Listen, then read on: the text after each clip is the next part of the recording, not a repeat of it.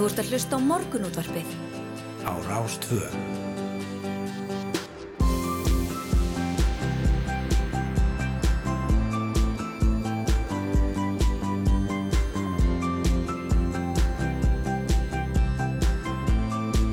Morgunútvarpið Á Rástvö.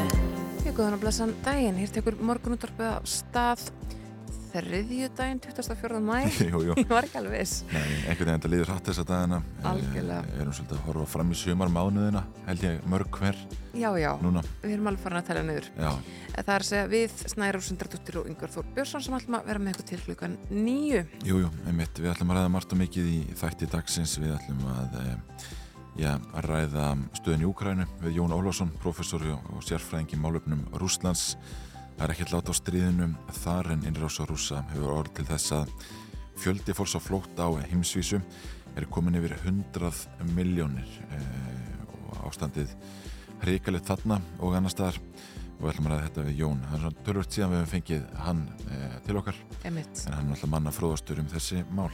Já, emitt uh, Látum við sjá.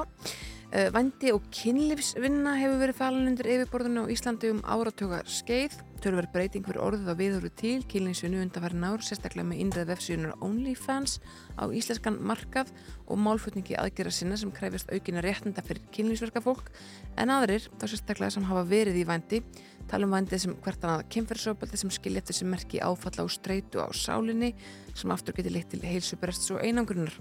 Í dag kemur út bókin Venjulegar konur sem fjallar um vændi á Íslandi og er skrifið af Brynildi Björstóttur í samstarfi við Evudís Þorradóttur en hún hefur lengi starfað með þólundum vændi sem leitið hafa aðstofar á stígamótum og það er verið að gestur okkar upp klukkan halv átta. En ákvæmlega og síðan er að meiri hluta viðræðunar þannig hérna á að ég svona það á ákvarða nákvæmlega hvaða viðræður verið í gangi í Reykjavík í dag. Einar Þorstinsson hérna e, Ottviti Framsvöldar í Reykjavík og nýkjörnir borgarfulltrúar held í gerðkvöldi fund með Grasrótflokksins e, en stjórnir kjördæmasambandsflokksins í Reykjavík og félagsins í Reykjavík og félags ungra framsvöldnavanna voru bóðar á samt frambjóðundum á lista og var velmætt og svona hreinskiptar umræður um framhald viðræðina um meiri hluta myndun og að koma flokksins að þeim og hér er sagt í morgunblæðinu að gangi framstóð til viðræðina við vinstribandalæðið verður gerð krafa um borgarstjórastólinn.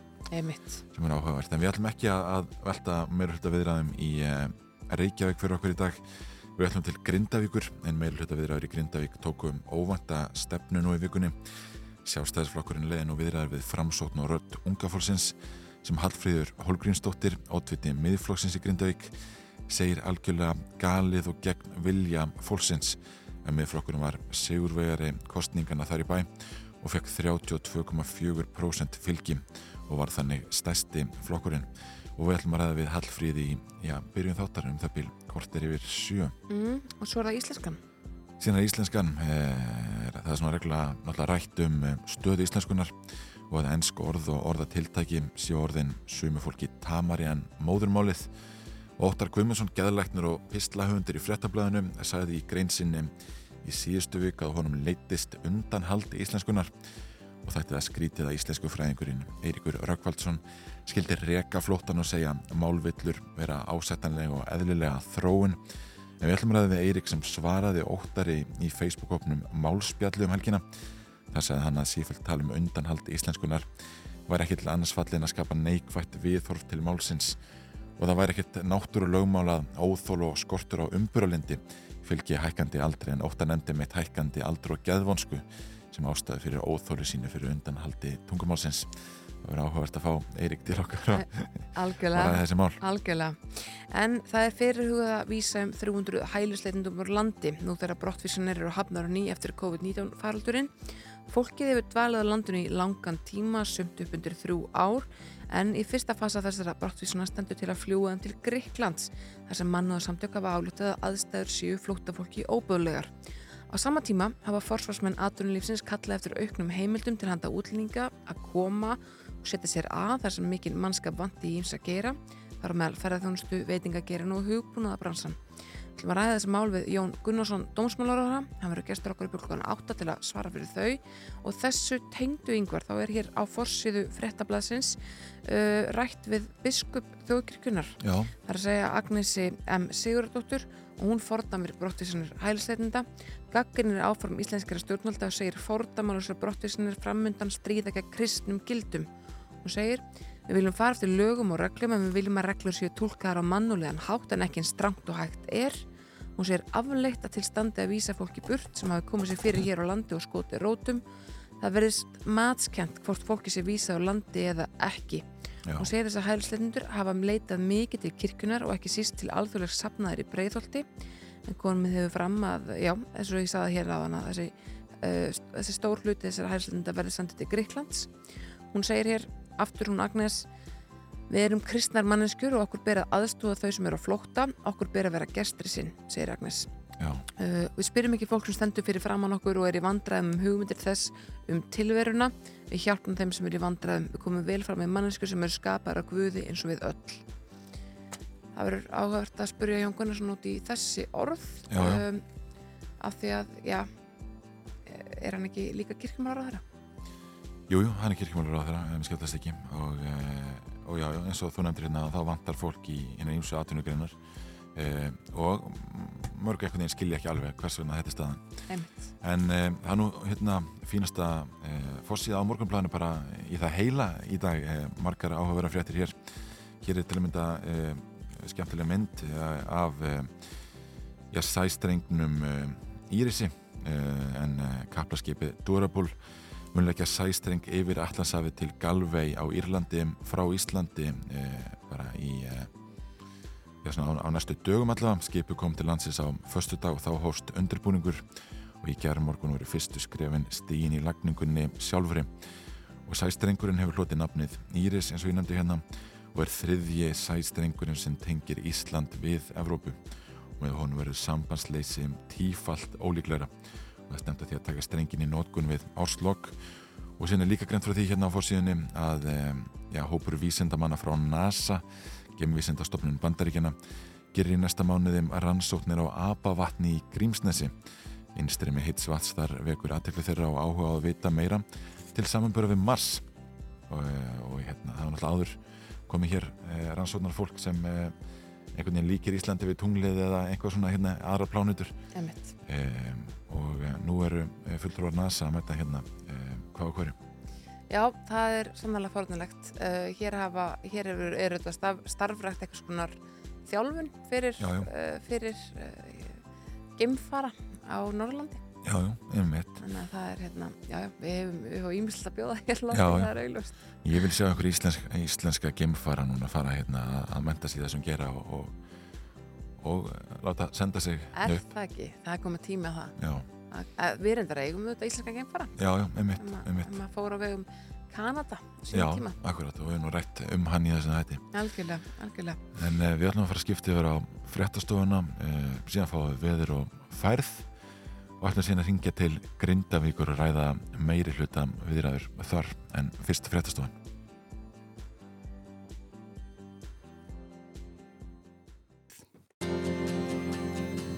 Þú ert að hlusta á morgunútvarpið á Rástvö.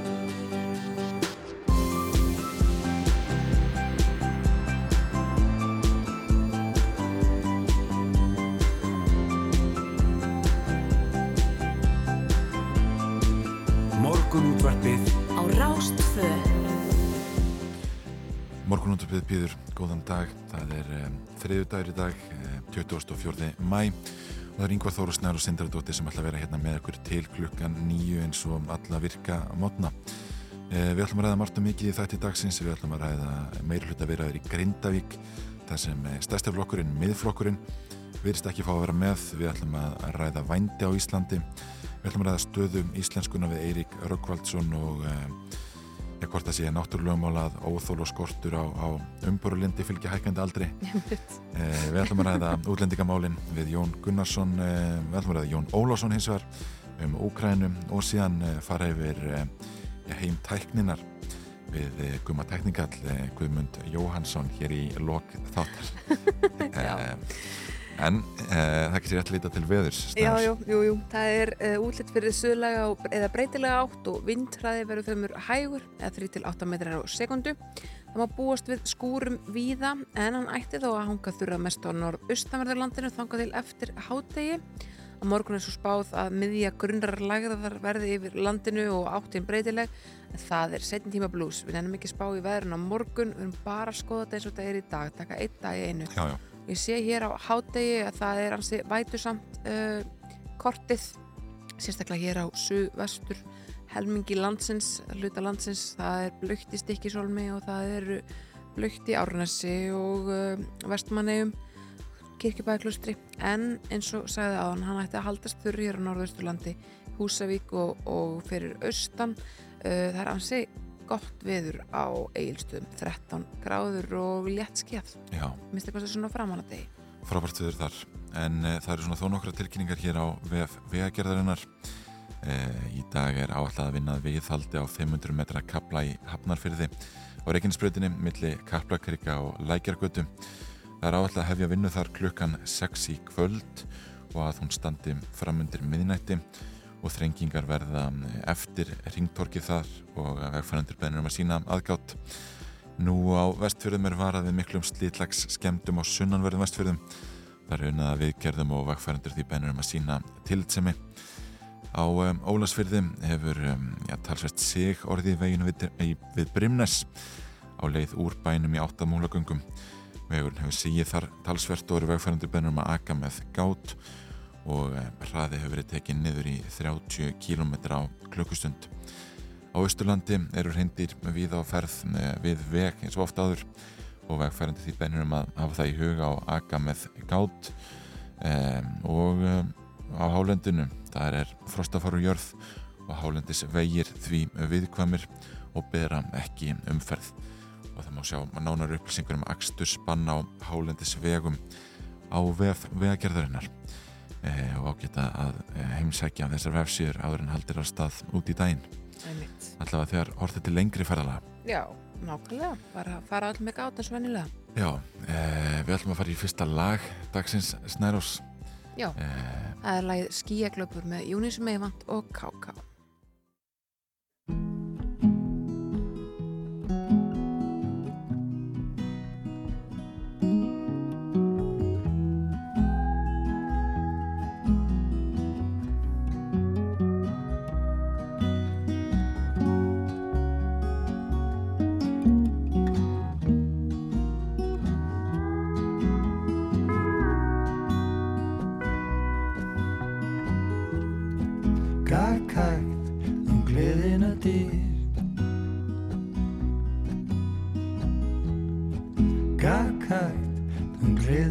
dyr Innum dyrnar handa mér Fegustu hlýr, fegustu hlýr. Leif mér að segja þér.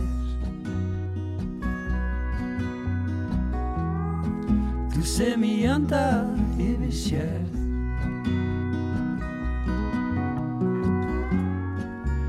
nýja glópur í mannabið á hörunu býð um vafinn dýð Ég vona þú heyrir kallið til því um leiðina helgu beint heim til líf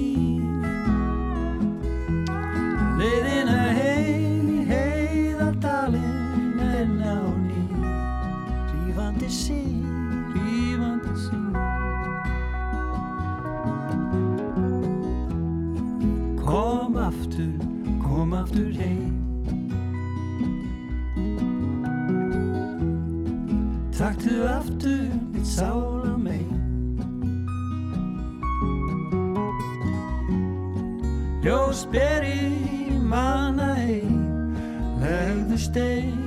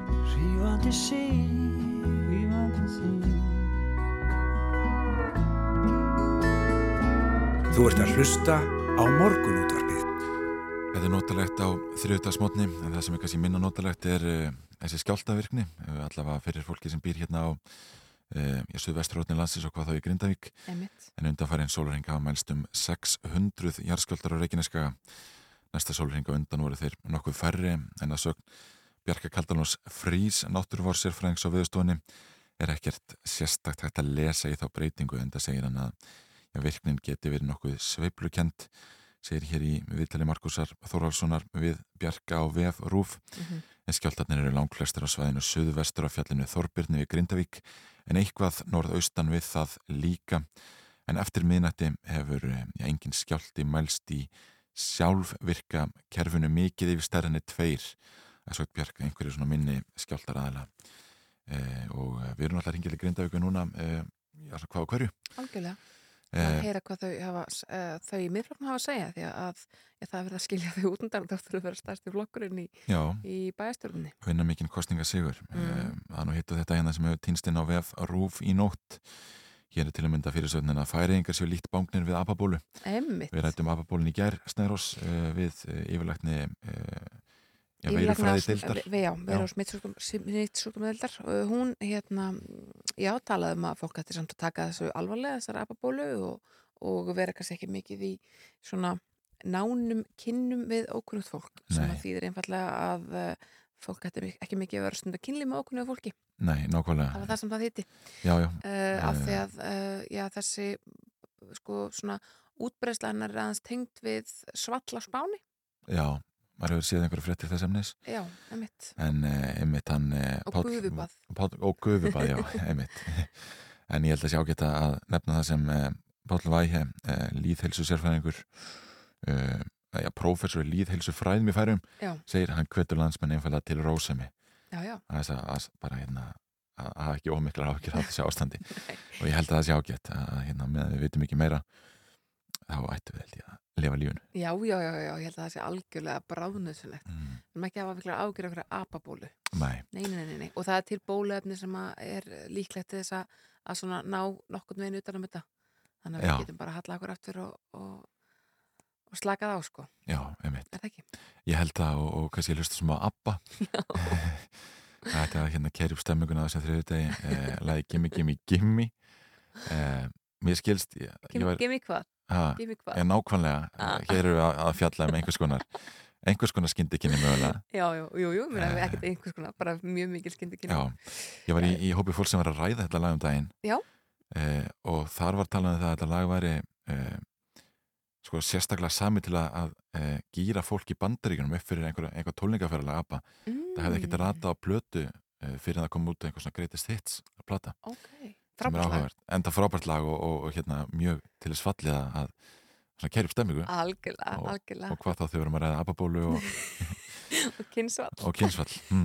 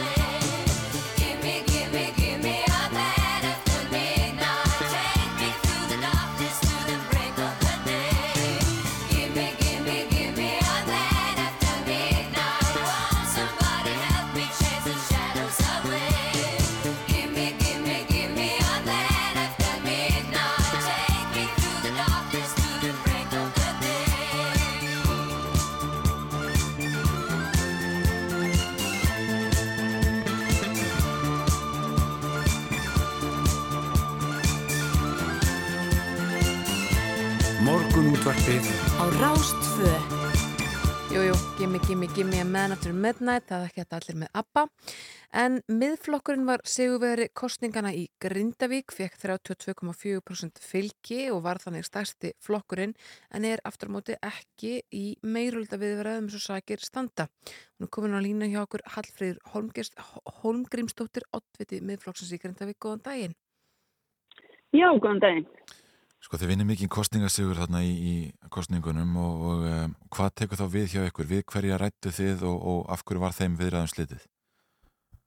Uh, við byrjum á því að ræða við Röddungafólksins og, og rættum svo við uh, Framsó og þar með uh, ég hafði fengið síntal frá oddvita sjálfstæðismanna sem hann tjáði mér að að eftir að, að sviðin væri mitt til að byrja með og e- eftir að, að þær, þeim viðræðum er þið uh, lokið eða slitið að þá myndi hann heyra í minni flokkonum þannig að, að þannig já þannig að það lág alltaf í, í loftin að sjálfstæðisflokkurum myndi eh, heyra í þessum mm -hmm. sem styrir að dunga fólksins og framsó af hverju þeim var slit af hverju þeim var slitið það er sko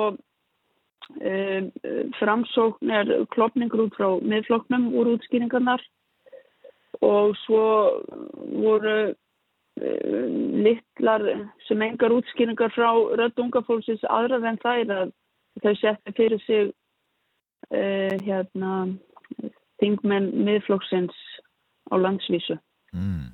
þeir hóruðu ekki nær sér heldur en það Nei. En, en sjáu þið ekki flöt með sjálfstæðarflokki að vinna saman?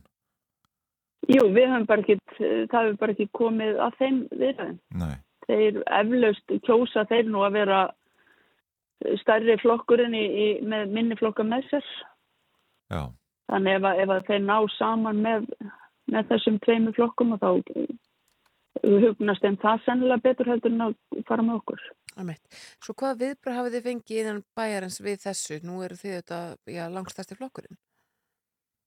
Heyrðu, bara, við heyrum bara ótrúlega miklar óanæður rættir. Fólk er alls ekki ánægt með, með það að, að okkur skuli jafnvel vera haldið utan við, við eh, meirfluta viðræður. Mm -hmm. En það ásó sem eftir að koma í ljós, eftir bara að koma á fórmlega viðræður en, en, hérna, en fólk er mjög óanægt.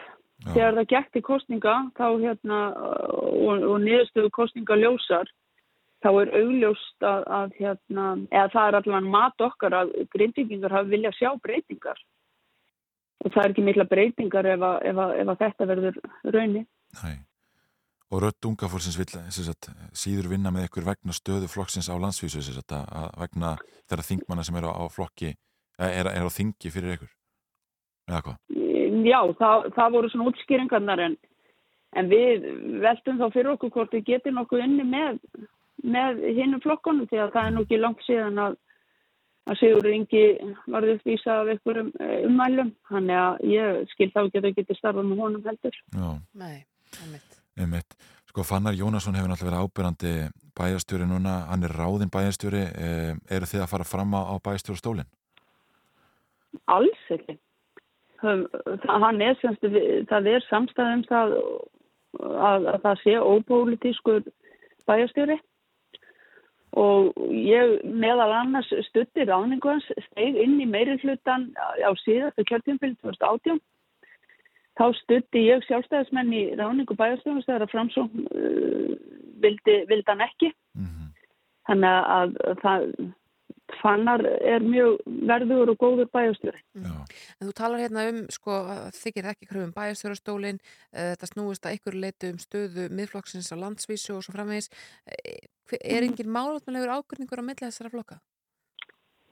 Herðu, uh, þegar að stefnusgrafnar eru skoðar að þá er ótrúlega lítill málefnalegur ákvörningur og uh, við höfum fundað þrís og sinnum, örstutt í tvö skipti en, en aðeins lengur í þriðaskipti og þar var farið vítt og breytið við sviði og þegar að hérna, þeir gáfi frá sig þess að yfirlýsingur rættu unga fólksins að þá kom það okkur veru lofart sem að sátum fundin og við veltum því fyrir okkur hvort við hefðum sennilega settið saman fundin. Mm. Þessar útskýringar hjá þeim, þessi málefnalegi ágreiningur.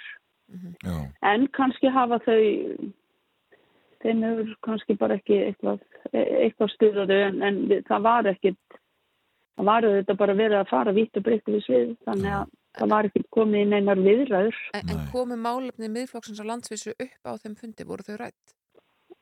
Aldrei, Nei. Ekki á þessum þriðafundi Nei. Uh, sko eins og við nefndum hérna áðan, þá vinniði náttúrulega stórsigur þannig Grindavík. Uh, miðflokkurinn, uh, miðflokknum gengur ekkert, ekkert uh, já, afskaplega vel í öðrum sveitarfélögum. Sko ef, ef ég spyrði bara hvernig skýrir gott gengi miðflokksins í Grindavík? Er þetta algjörlega já bara þínar persónulegu vinsældir? Nei, ég myndi nú ekki vilja meina það. Við erum auðvitað hópur fólk sem að er hérna ótrúlega frambærilegur flottur. Við, við höfum auðvitað líka, ég er sitjandi bæfettrúi og, og var auðvitað ein inni á síðast kjörtíðanbili en einhverja síðust og ég hafi verið ein inni að þá unnum við alltaf ótrúlega vel saman hópurinn og náðum bara rosalega góðum árangri. Við unnum ótrúlega vel, málefnin okkar voru góð, við, eh, við hérna fórum svolítið í málefni eldri borgar og unnum ötul af þeim málaflokki og ég bara held að, að það sé að skilja okkur þessum árangri, það er bara vinnubröðun okkur síðast kjörtíðanbili. Mm. Og á hvaða mál hafið þið lagt mesta áherslu í Grindavík? Málefni eldri borgar, fyrst og fremst. Mm. ásamt auðvitað öllum öðrum góðum málum. Við, við höfum unni bara þó að við höfum verið minnilöta síðast kjörtjambili þá höfum við verið ótrúlega bara duglega við að sinna málefnunum og, og svona hjóla í þau verkefni sem við gátum hjólað í. Já, en uh, þeir eru nú ekki að taka þátt í þessum formulegu meiri hluta viðræðum hvað tekur við hjá þér í, í dag og, og næstu dag uh, setið þið bara heima og, og býðið? Heyrðu, við bara býðum átekta það svo sem auðvitað nóg að gera. Maður tók þátt í kostninga bara í, einhverja vikur þannig að vinnan satt á hakanum að, og fjölskyldan. Þannig að það er svo sem nóg að gera að, að huga því. En já, við býðum bara átekta og, og, og tökum því sem verða vill í þessu. Já, Nú ef að, ef að þau ná saman þá verðum við bara sterkur minnihluti. Það, já, já Ég, ég sko, ég fór úr einu manni í þrjá í minni hluta, þannig að nú erum við þrjú í minni hluta, þannig að ég veit ekki.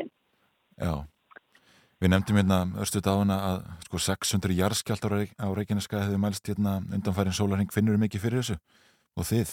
Heyrðu, nei, ekki, hef, ekki höfum við fundið mikið undanfarið, en þess að ekki undanfarið sólaring, ekki ég að með stókusti, en, en það er búið að vera auðvitað, það er búið að vera auðvitað rosa reyfingar og, og það var núna á sunnudaginn, jú, sunnudaginn, þá, var, þá voru svolítið læti. Já. Þannig að jú, jú, auðvitað finnum við aðeins fyrir þessu. Eru, eru bæjarbúar orðlegir yfir stöðunni? Hafið þið áhyggjur? Heyr, heyrðu, við, það var haldinn hérna íbúafundir í síðustu viku og ég held að það hafi svolítið róa fólk. Allavega e, talar fólk, fólki í kringum mig um það. Mm Að þessi íbúafundir hafi svolítið, svolítið róa fólk. Já, já. Mhm. En hefur verið einhugur í, í pólitíkinu um hvernig eigi að breyðast við og, og svona hvernig tekið var á já, síðasta gósi? Já, veistu það að e, samstaða innan bæjarstjórnan Grindavíkur var gríðarlega góðu síðast ári og eins og ég segi, við, ég held við höfum bara svolítið kappkosta við að styðja við öll góðu málefni. Þannig að það var, já, það var bara einhugur að- í að- í aðgerðum, Mm öllum þessum jarðsræðingum. Mm Já. Ég held að þessi ágætis loka árið Hallfrýður Holmgrímsdóttir, oddviti miðflósis í Grindavík, takk fyrir að vera á línni. Já, takk bara fyrir að lefa mér að, að, að, takk fyrir að heyri í mér. Já. Já, já, við höldum áfram að fylgjast með meirhluta viðræðum eh, bæði í borginni og í, í svona þessum helstu, uh, helstu kjörnum. Algjörlega. Hér, en hér er þetta skamma stund að ætla að ræða vændi og kynlífsvinnu sem að hefur verið í að undir yfirborðinu í Íslandi um áratöga skeið. Í dag kemur út ný bók um þetta málefni, hún heitir Venjulegar konur uh, og er eftir Brynldi Björsdóttur í samstarfi við Evudís Þorðardóttur sem hefur lengi starfað með þólundum vændis.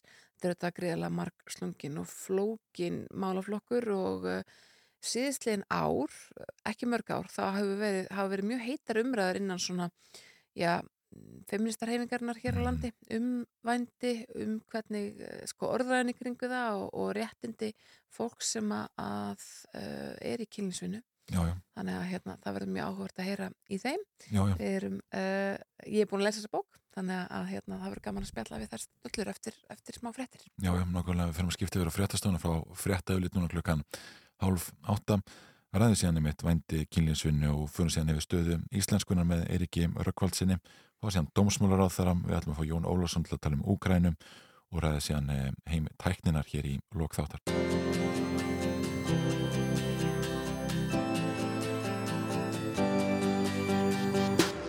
Þú ert að hlusta á morgunútvarpið.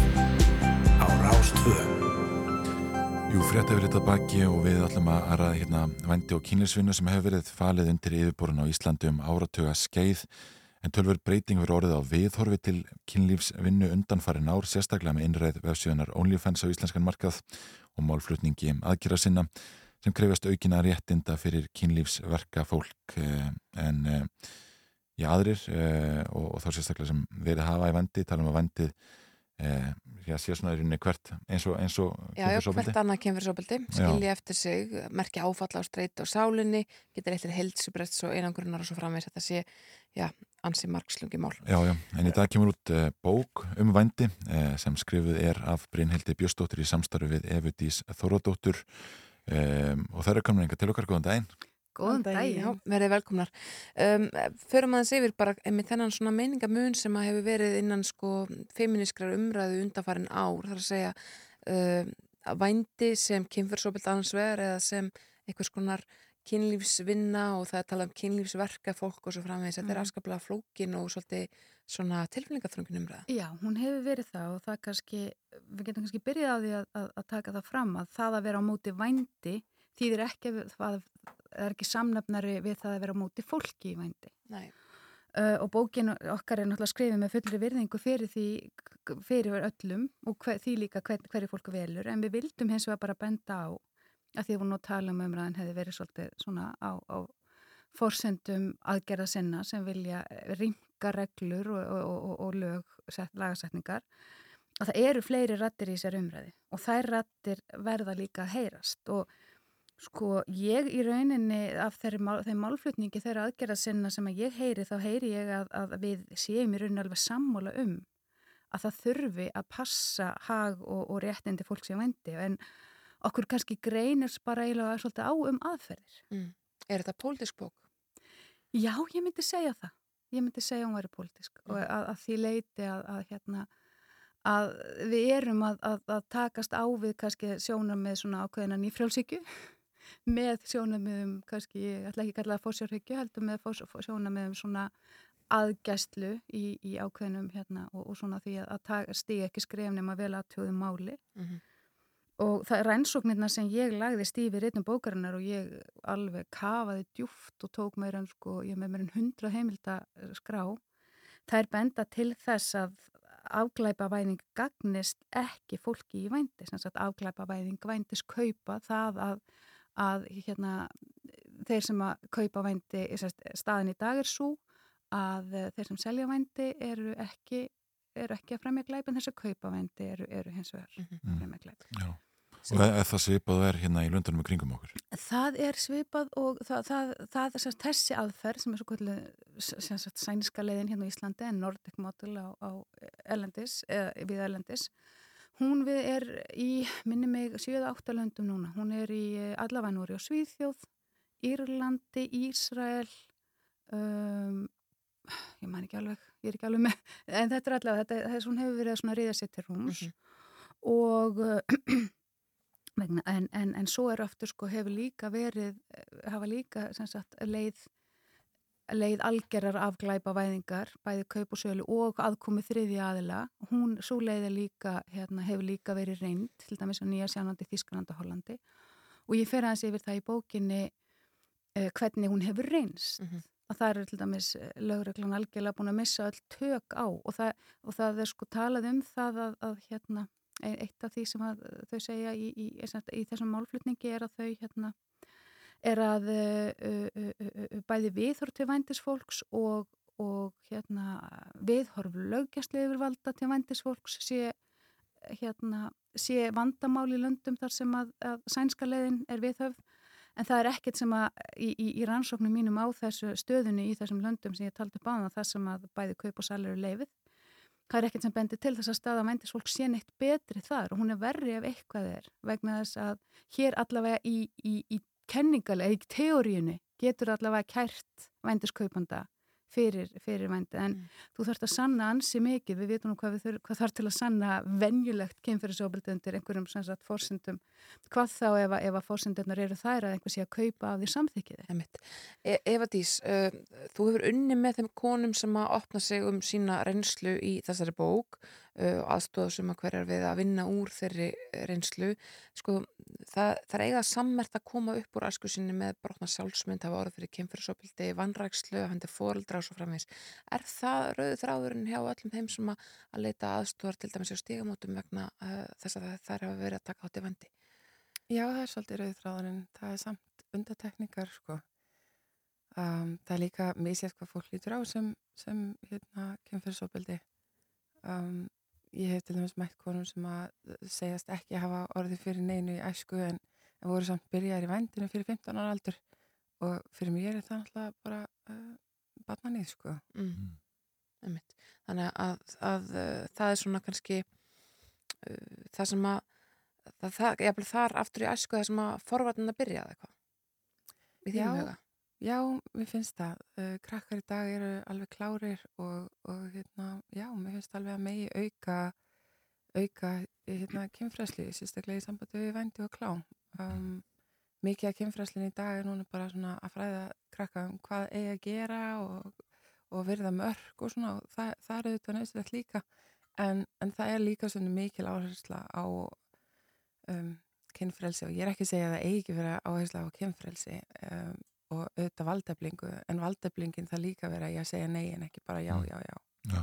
En hvernig finnst þér umræðan um þessi flóknumál hafa verið undanfara? Hún hefur verið svolítið einhliða um, eðlilega vegna þess að þessar konur sem eru í bókinni sko, það er ekki trist þess til í að stiga fram í, í fjölmiðlum eða annað um, einfallega vegna þess að þegar konur hafa gert það nafnlaust þá hefur við mætt þeim bara rosalega mikið mótlæti og rættirna sem að tala á mótið þeim hafa verið svolítið sterkar ég hef persónulega ekki upplifað það því ég kem fram undir nafni og það er, það er ekki margir sem að veist, hjóla í mig, mig og mínu persónu sko, að því að ég er með andlit og ég er með nafn það er auðvöldara að, að hérna rakka neyður eitthvað manneski sem kemur undir nafnlaust. Þess vegna líka vildu við gefa þeim ákveðin plattform hana í bókinu til tjá sig og hérna það eru, já, þessum sex konum sem að koma fram í bókinni, það eru alla búin að vinna mikið í sér og við gáttum á svona, já, litið á þetta sem ákveðin valdablingu og ég hef svo tekið að mér að, að hérna stiga fram og tala fyrir þeirra hönd að vera svona andlit fyrir þær. Mm um, það, það verður svolítið áberendi og kannski skörunin sem verður á milli þessara svona tveggja umræðu póla uh, varandi vændið, það er skömmin. Já. og það er mjög áberendi í þessum sögum að, uh, þess konur eru mjög þjakaðar og skömm þar eiga erfitt með að fara í verslanir þar eiga erfitt með að, að bara, já, fara út og með fólks af óta við að hitta þá menn sem að hafa kiftað þeim vændi, jafnvel verið þeim mjög vondir uh, og svo framvegis uh, á sama tíma þá segja sko aðgerra sinnar uh, að ef að skömmin væri til staðar ef að það væri þetta svifta henni einhvern veginn af vændinu þá væri þetta allt annað það sé raun og veru stóra stigma sem að er svo erfitt að kljást við hva, hva, hvernig snýð þetta við? Sko þær segja margar í bókinu að þessi skömm sé tvíþætt. Mm. Annars vega gagvart samfélaginu og gagvart því að það komist upp um þær og fólk viti og það er svo sem má alveg, má alveg færa rauk fyrir því að og er mjög mikilvægt að við breytum viðhórum okkar til vændis og þeirra sem hafa verið í vændi og opnum samfélagsumræðinu um að aflita þeirri skömm. Svo fólk getur talað um reynslu sinna við sína nánustu og, og þurfi ekki óttast að leita sér hjálpar. En skömmin, þessi skömm sem að þú ert að tala um, Mm -hmm. þegar, þegar þær eru, það, þessi ótti við að hitta hérna, mennina, það, það er ekki sama skömmin. Það er skömmin yfir því að hafa leift einhverjum, eða sagt eins og þessi er leift einhverjum, að fara svona yfir mörkin sín já, og, og, það, gera sér þetta. já, og það er í raun og verið, það er eiga það sammeilegt með öðrum þólundum kynferðsofbildis. Það er óð, óþægilegt fyrir alla þólundu kynferðsofbildis að, að mæta gerendunum sínum, alveg sama hvernig, að hvaða tægi það kynferðsofbildi er. Mm. Og við þurfum líka, við þurfum ekki að fara langt aftur í tíman um, þar sem að sko þólundur kynferðsofbildis allir voru uppfullir að skömm. ég mann til dæmis í fyrstu kröfugöngu eftir stígamót voru stopnað þá eru konar sem hafa orðið fyrir kynfyrsofbildi í búrkum vegna þess að það var svo mikið skömma að hafa orðið fyrir kynfyrsofbildi.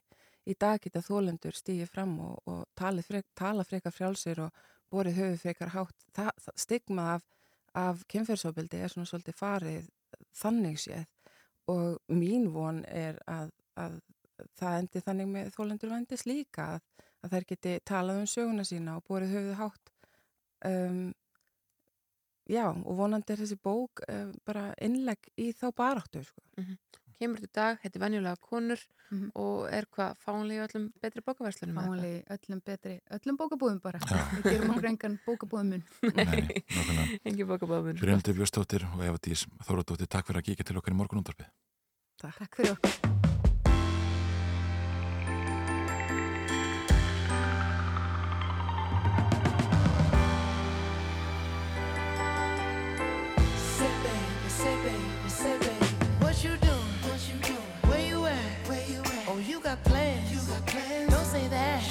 I'm sipping wine sip, sip. in a robe. Drip, drip. I look too good, look too good to be alone. Ooh. My house clean, house clean. my pool warm. pool warm. Just shake smooth like a newborn. We should be dancing,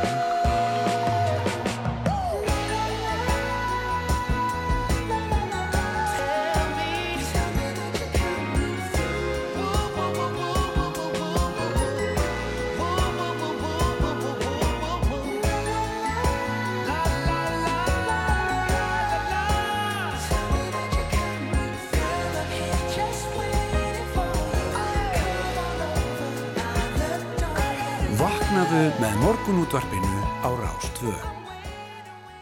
Jú, jú, Leave the Door Open með Silk Sonic. En við ætlum að ræða stöðu íslenskunar núna en eh, já, við ræðum svona regla um hana hér í þessu þetti og eh, að ensk orð og orða tiltæki síu orðin sumu fólki tamari en móðurmálið og Óttar Guðmundsson, geðlæknur og pislafundur sagði greinsin í fréttablaðinu síðustu viku að honum leittist undanhald íslenskunar og þetta er það skrítið að íslensku fræðingurinn sem eh, hann nefndi ekki á nafn en er Eirikur Röggvaldsson skildi reka flóttan og segja málvillur vera ásættanlega og eðlilega þróun og Eirikur er hinga komin eh, góðan daginn Já, góðan dag. eh, hvað séu, eru, eru málvillur eh, og slettur ásættanlega og eðlilega þróun tungumálsins? Sko, það er verið náttúrulega eftir hvernig maður skilgar henni málvillur.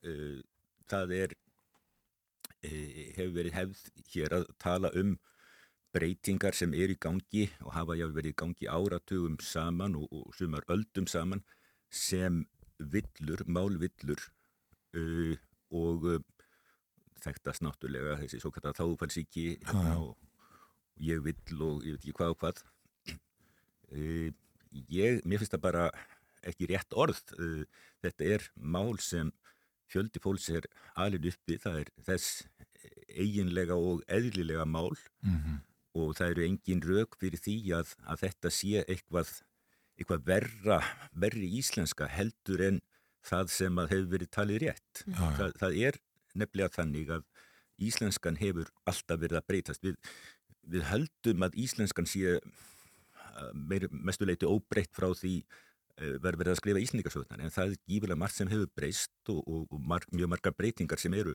fullkomlega viðkjöndar og við höfum bara ekki hugmyndum að hafi orðið.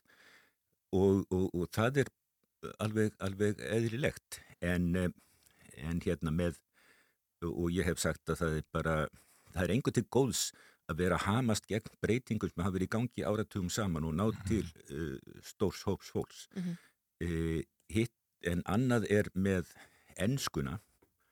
Uh, ég hef líka sagt ég hef ekki stórkoslegar áhyggjur af einstökum enskuslettum vegna að, að eins og dæmis eh, sanna þær, þær koma og fara dáltið og, og ef að þetta eru orð sem reynast vera nöysileg í málinu þá, þá aðlægast þau íslensku yfirleitt þau, þau hérna laðast íslensku hljóðkerfi þau fara að beigjast mér og minn og svo framvegis.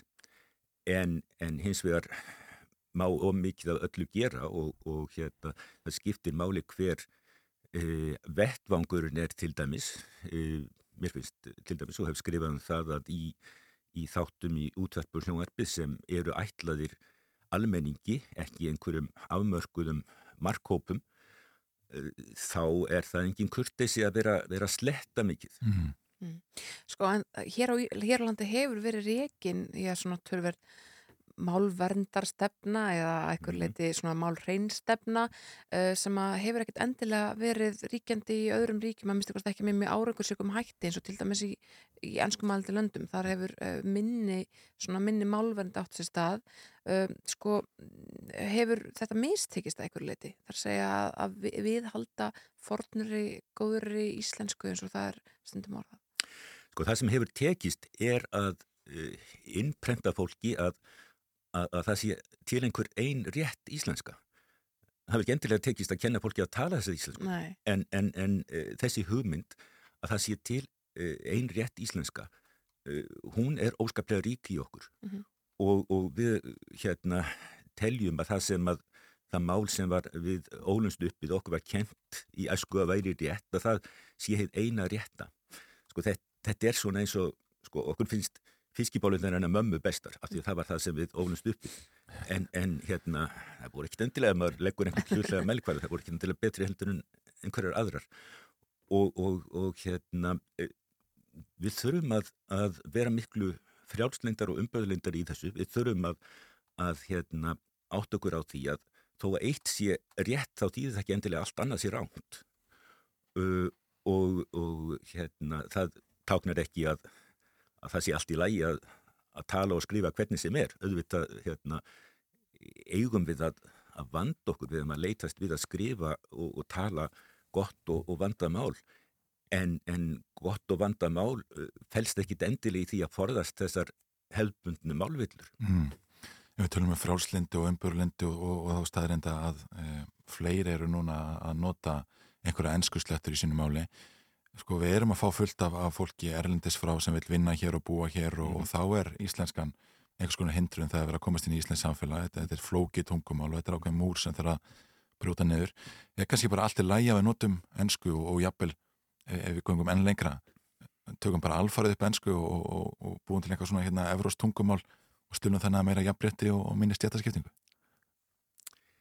E, ég eh, held að sé nú e, mjög langt frá því að við e, tökum upp, upp ennsku algjörlega og ég held að það væri meira mál heldur en við kannski áttum okkur á í fljóttgræði en, en hérna hitt er ljóst og ég hef skrifað um það að við verðum að átt okkur á því að ennskan er komin til að vera í íslensku málsamfélagi. Við, við hérna, það er hér fjöldi fólk sem uh, talar ekki, skilur ekki íslensku og, og, og það mun verða þannig áfram. Við þurfum að leggja miklu meiri kraft í að kenna fólki í íslensku en, en þetta verður samt staðan og, og hérna uh, við þurfum að taka það til sko alvarlegar umræðu hver staða ennsku á að vera í íslensku málsamfélagi. Þetta hefur verið svolítið svona tabu finnst mér, sem sagt að, að hérna, við segjum bara, við erum á Íslandi, við tölum íslensku hér og, og við ræðum ekkit sko hvernig við eigum að, að glíma við þessa stöðu sem núna er og ég held að, að, að það sé ekki til góðs en hins vegar þá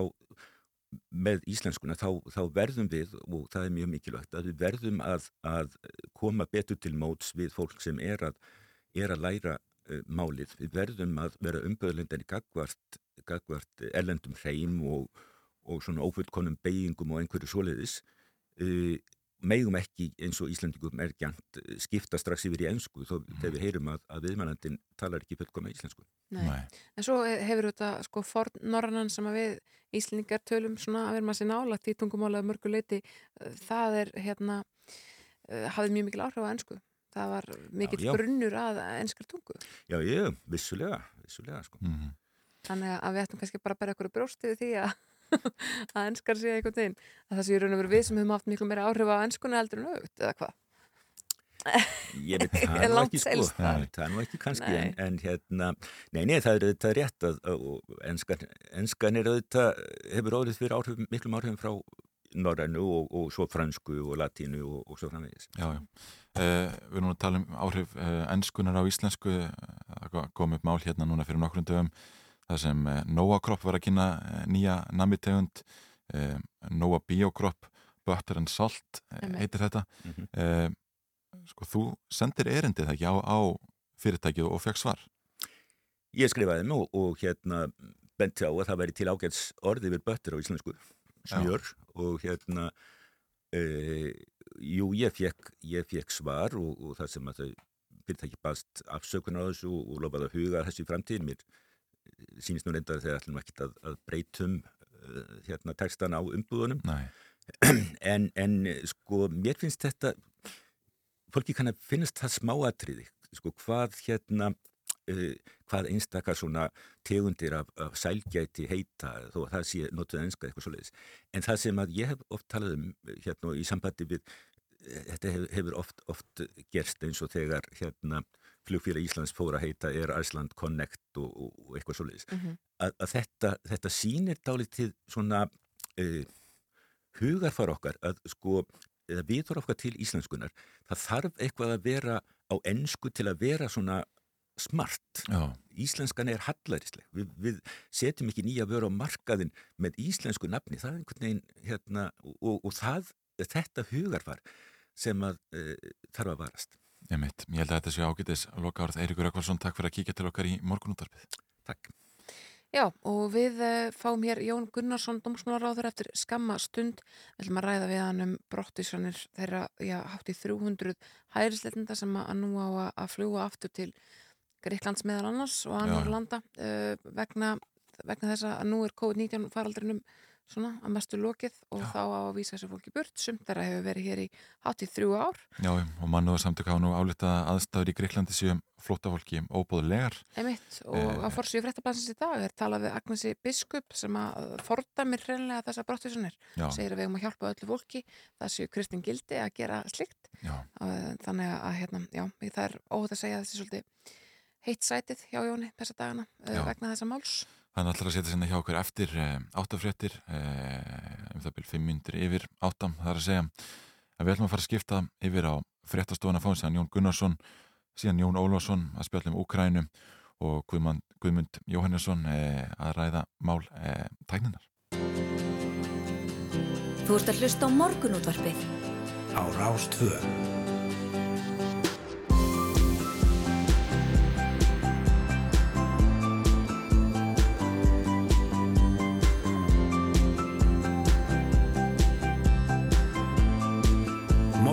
Morgunútvarpið Á Rás 2.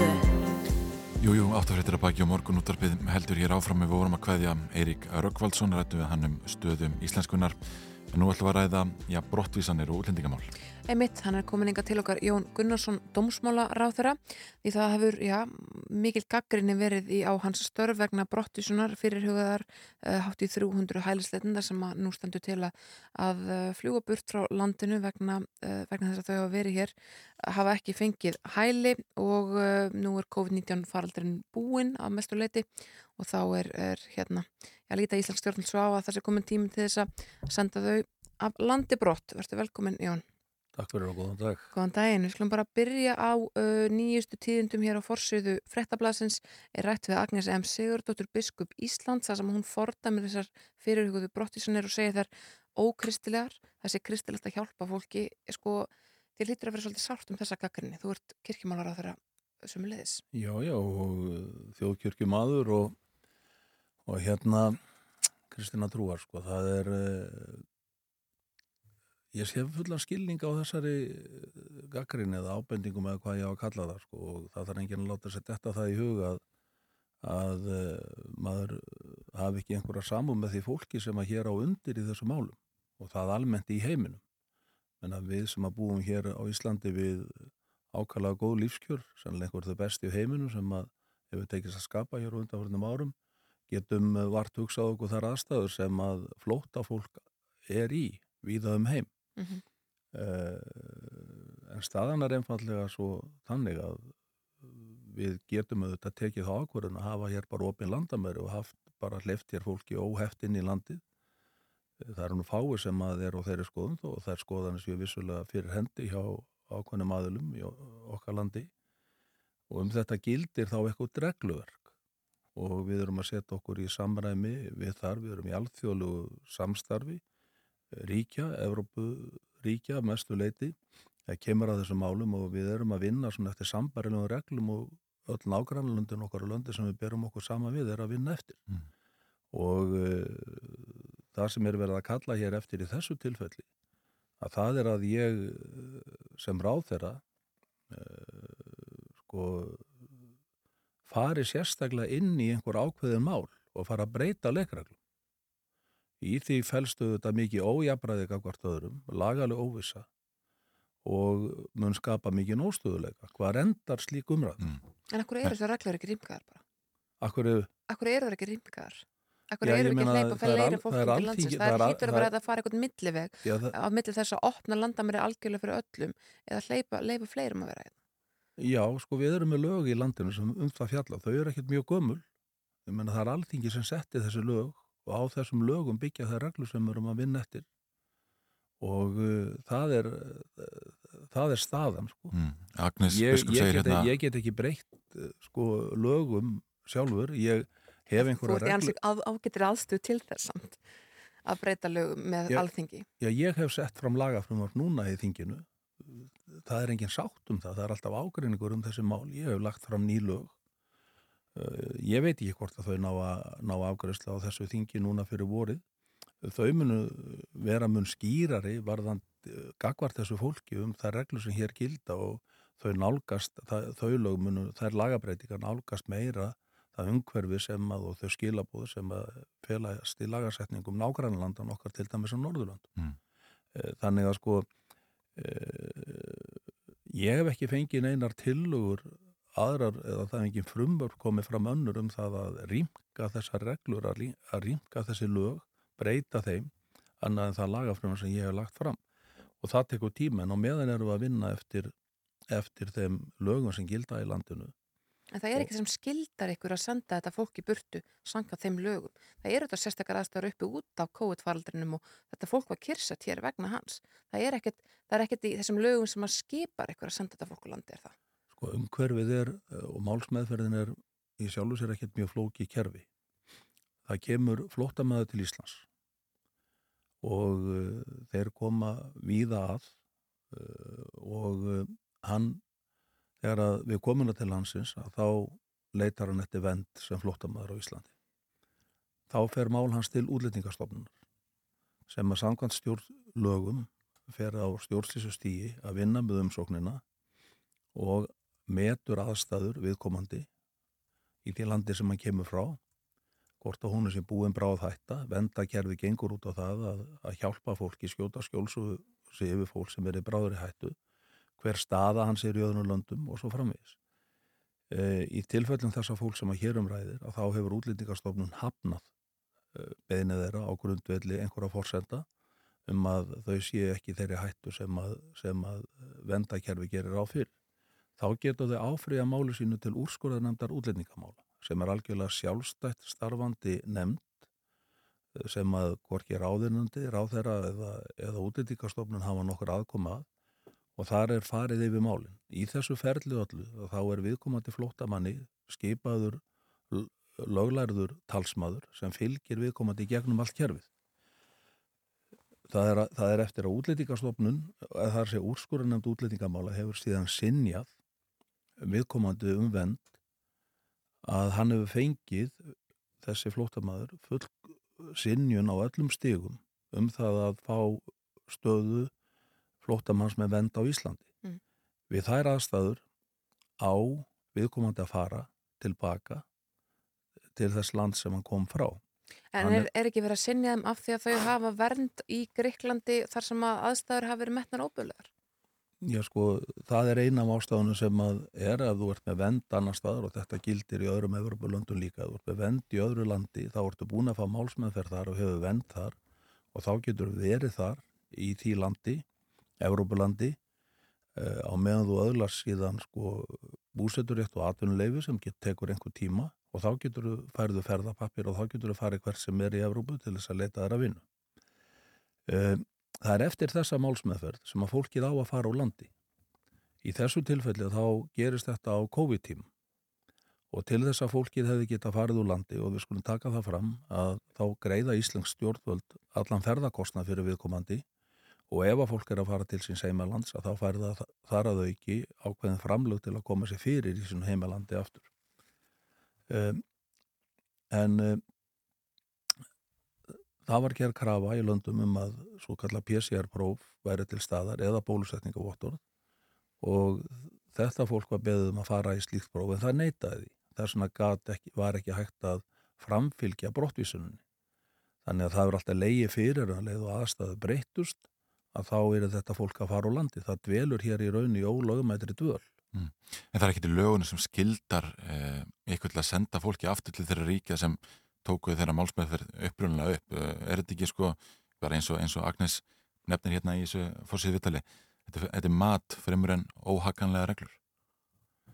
Já sko, reglunar er í sjálfu sér alveg skýrar sem við höfum sett okkur um það að ef að viðkomandi hefur fengið vend í öðru landi, hvort sem að það er Ítalija eða Gríkland, ég held að þeir sem að koma frá Gríklandi síðan þriðjungur af þessum hópi eitthvað svo liðis, já reyndar þetta að fá nákvæm að tölu um það en það eru mörg lönd hérna undir og Ítalija nokkuð stort í þessu líka að uh, þá eru reglunar alveg skýrar að, þú, þú ferð til þess land þar sem þú hloti málsmeðferð og hefur þegar vend þetta gildur um alla Evróp uh, sko, En við veitum að aðstæður Greikland eru óbúlegar við vitum það. Það eru, eru margindarsamtök sem hafa verið að álda gegn því að fólk sé sendtanga. Já, það er vissulega gaggrind hvernig aðstæður geti verið í Greiklandi en það fólk sem hefur vend, það býr auðvitað bara við sömu skilir þú að gríkir. Það er að segja að það getur farið inn á, inn á vinnumarkað en það getur hérna það getur, það býr við sömu aðstæður og gríkir búa við. En af hverju tökum við ekki við þessu fólki? Nú, sko, við bökkum aðeins þá sjáum við það og höfum reynda mikið fjallað um það hér í þessum þætti að atvinnulíf er að kalla eftir því að hinga komi þúsundir manna á hverju einasta ári til þess að manna uh. Það, hvort sem það er í ferðarþjónustu, veitingageiranum eða í sko sérfræðmöntum störfum. Hvað mæli gegn því að þetta fólk sem er komið yngar til lands að ykkur leiti sumt búið að festa rætur, sumt búið að vera hátt í þrjú ár, fái bara hreinlega að koma hérna og vinna? Hvað mæli gegn því? Já, það er aftur lagaumhverfi sem mæli gegn því og hér verðum við að passa okkur á því að ruggla alls ekki saman vendarkerfinu sem er sem sagt flóttamannakerfi fyrir þá sem er í bráðri hættu. er En ef við segjum já við þessu fólki, þá sleppir að mörgu leiti okkar þjónustu við það. Þá þurfa þau að fara að fá sér vinnu, þá þurfa þau að verða sér út um mér að skýra þetta aðeins út fyrir þér, klára það. Sko, vendakerfið snýrað flóttafólki í neyð. Snýrað fólki sem er til að mynda er að koma frá Úkræinu í dag, þar sem er stríðsástand og, og það er í verulegri lífsættu með því að vera heima hjá sér. Um þetta snýst flóttamannakerfið og um þetta snýst vendakerfið og það er ekki bara á Íslandi, það er út um allan heim. Þessar fórsendur fyrir því. Hitt er svo varðandi dvalar og atvinnuleifi. Það er bara allt annað ferli.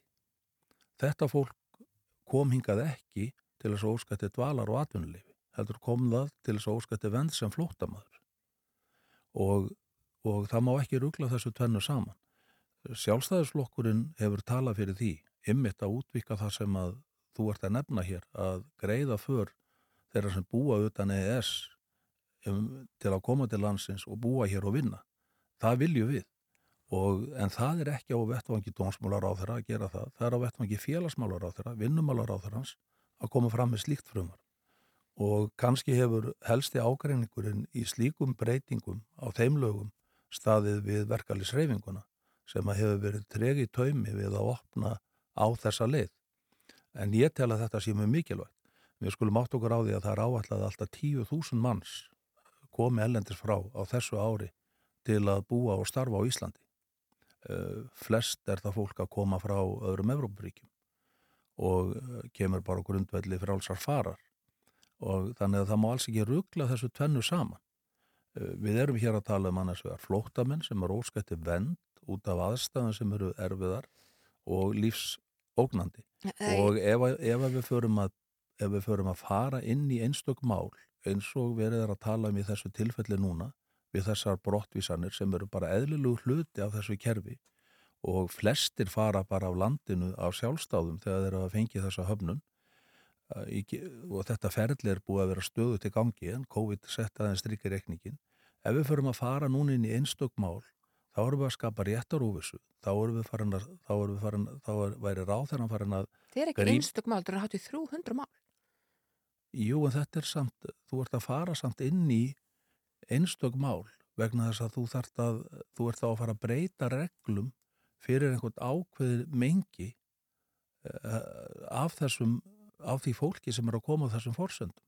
Hvað ætlum við að gera þá við fólki sem kemur á morgun? Að eiga regluna þá að gildum það eða að láta gömlu regluna gildum það, bara breyta reglunum fyrir þetta fólk og ekki aðra. Bara breyta þeim fyrir Gríkland, ekki þeim sem að fara til Ítalíu eða annara landa. Mm, það Það er verið tíma að grípa inn í einstök mál og, og við verðum að hafa þetta einhvern, einhvern veginn að stöðuleika í því til að skapa ekki bæði ójabægi hérna og mismuna fólki. Veist, þetta, er, þetta er ekki eins einfalt eins og margir vilja vera að láta að, að fara, með, fara inn með slík yngri. Við verðum þá að taka okkur saman í andleitinu og breyta reglunum. Og ef að það er meirhundi fyrir því á alþingi að rýmka verulega þessar reglur, já þá er ekkert annað en að leggja fram frumvarp og fá það samþygt og þá vinnum við þetta eftir því. En alþingi samþykti þessu lög á sínu tíma, það voru setta reglugerðir á grundvelli þeirra lag og við erum að framfylgja nákvæmlega því ferli sem hefur verið lagt upp með. Þetta eru þetta sárt. Ég gerir mér alveg grein fyrir því. Þetta er ekkert einfalt mál. En sko við verðum einhver, einhver tíman að, að sko við verðum að halda okkur við þennan ramba. Við getum ekki verið að, að skekja hann til og frábær eftir svona, eftir tilfinningum okkur á hverjum tíma. En vilt þú persónulega rýmka sko, annars vegar uh, fyrir það fólk að rýmka löggjöfuna og hleypa fleirum hengaðinn? Ég vil absolútli rýmka löggjöfuna í því að fólk getur komið hér á dvalið og unnið og atvinnulífið kallar eftir því og það, ég er mjög, mjög áfram um það að við gerum það. Og það á við fólk til að gegna hér fjölbreyttur störfum, það er kallað eftir eins og þú nefndir áðan uh, sérfræðingum og ymsum sviðum. En okkur vantar bara fullt af fólki inn í landið. Og þá fólki utan EES, við viljum rýmka og ég vil rýmka þessar reglur, það er bara ekki á mínu forræði að leggja fram það frumvar. Það er félags- og vinnumarkarsráður. Þetta er nú einu og sama ríkistjórnin og þeir vinnið á ekkert, ekkert mjög fjölmörgu alþingi, þú veist, það, það lítur að vera fjölmörgu alþingi, það lítur að vera hægt að breyta þessum reglum og, og bregðast við aðstæðum. Við Sko, höfum- það við sem er svo rætt- sérstakt og þú segir þetta fólk þetta. kominga til þess að fá hæli, uh, ekki til þess að sækja um atvinnuleifi, getur þetta fólk yfir höfuð sótt um atvinnuleifi með við það reglur sem er í gildi núna og ef svo er, akkur er þeim þá ekki bara beint í þá átt að sækja um atvinnuleifi hér, koma og fá sér vinnu og hjálpa til við að halda þessu þjóðfélagi uppi? Jú, en fólkið er bara inn í sko vendarkerfinu. Já, en, en ef, ef þau fólk- fara þá, fólk hér- en akkur er fólk bara beint inn í það að sækja fólk fá inn og starfa? þetta fólk kemur hér inn í vendakerfið uh, ef það var að koma hér til að sko, að dvelja og vinna þá að það að sækja hér um, um dvöl og atvinnuleif En hefur það verið auðveldara fyrir fólk utan senginsvæðisins að fá, fá atvinnuleifi hér á landi? Er það, ekki bara það, er gríðarlega allt, erfitt? það er allt og erfitt þeim Já. lögum þarf að breyta Og af ég hverju er þeim mjög- ekki breytt? Já, það er góð spurning ég meina, við erum í þessu ríkistjórnarsamstæður eins og þú segir en hvert eh, hver, hvert sko, hver ráð þeirra til til að sjálfstæður í sínum störfum Er það, vinstri, höfum- er það vinstri græn sem ekki vilja breyta þessu? Já, ég er ekki að segja að þau vilja ekki breyta þessu en við höfum kallað eftir þessum breytingum og ég held að sé mjög mikilvægt fyrir atvinnulífið og landið að við rýmkum þessa reglur og breytum þeim. En við erum í alþjóðlugu samstarfi í skilgreiningu á vendakerfinu og vinnum eftir henn reglum sem að löndin setja okkur. Og það er svolítið merkilegt að fylgjast með þessar umræðu til að mynda á alþingi í gerkvöldi. þar sem að fulltrúar þeirra flokka sem að kannski hafa mestan áhuga á því og leggja það helst til að við göngum í Evrópusambandið. Þeir eru að, að hafa hæstu, fram með hæstu gaggrínuna á það kerfi sem að það er ríkjandi. Og uh, við erum í raun að, að vinna eftir og erum í samstarfi við. Uh, Það fer ekki alveg saman hljóð og mynd í þessu. Og í þessum ræðum kemur einnig fram hjá fólki, já við viljum hafa reglur. En það kemur ekkit fram hvaða reglur, vil það, hafa núgildandi reglur? Eh, það hefur margt af þessu fólki líst anstöð við það frumvar sem að skýrir enn freka reglunar sem að ég hef lagt fram sem meðal annars felur í sér þær breytingar ef af lögum verður að, að málsmeðferðartími fólk styttist. Mm. Það verður ekki þess, þessi viðkvæma staða sem kemur upp um, um langa dvöld. Það munum þetta að draga þá úr komum flóttamanna hingað með sama hættu við gerst á Norðurlandum. Við verðum líka að hafa það í huga að Ísland er það land sem hlutvalslega veitir flestum af öllum Evrópuríkjum vend á hverju ári. Þeim löndum sem við berum okkur sama við hér, Norðurlöndunum og, og mörgulöndum Evrópu. Með höfðatölu. Með við höfutölu. Þá voru við að veita lang flestum vend og, og það hefur vaksið alveg gríðala hjá okkur undanförnum árum. Ég held að það verið 2013-14 sem þetta voru svona í kringum 45 ári það voru 450 á síðast ári sem við veittum vend. Þannig að það er ekki eins og við séum ekki að gera neitt. Við erum að sína mikla mannúð og mildi í þessu málum af því að biskup vísa til þess.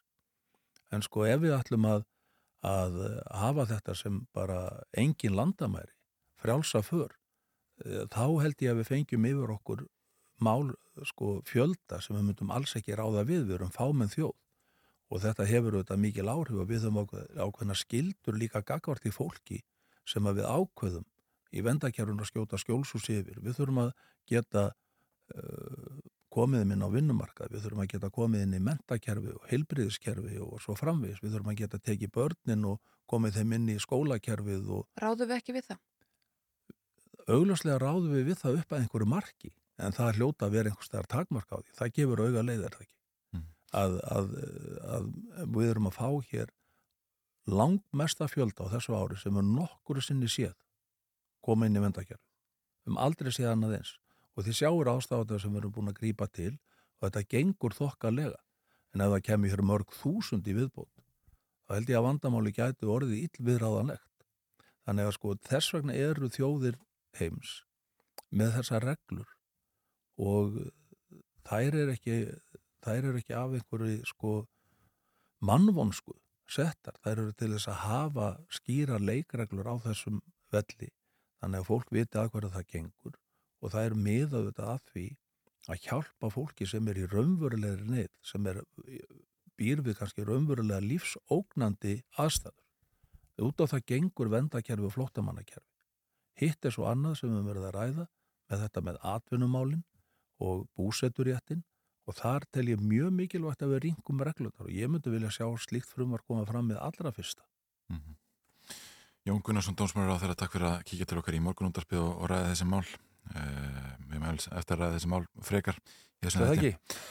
En uh, við, Takk ætlum að, já, takk. Uh, við ætlum að fara að uh, skipta yfir á fréttastofun að fá frétta yfir lit núna klukkan hálf nýjum. Ætlum sinna að ræða við Jón Ólafsson uh, um stöðuna í Úkrænu uh, og fáum sér Guðmund uh, já, Jóhansson uh, hér til okkar í lok þáttar eins og alltaf á þriðutum. Einmitt. Þess að við ætlum að ræða uh, heimtækninar, getur við sett. Algjörlega, ekki heyra nokkra tóna af Maðki Mísunni með Moses Hættór og Prins Pólo.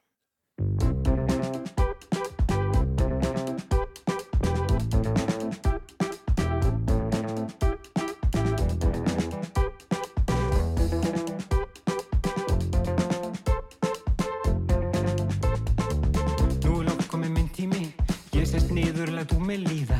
Veit ekki alveg hvað mér langar í Svo ég ákveða hingrað eins og býða Er það lakrís eða hlaupangsi? Bara það sem veldur ekki bakflæði. Eitthvað sem lina mína þjáningar Og vekur ekki upp á þægilegar spurningar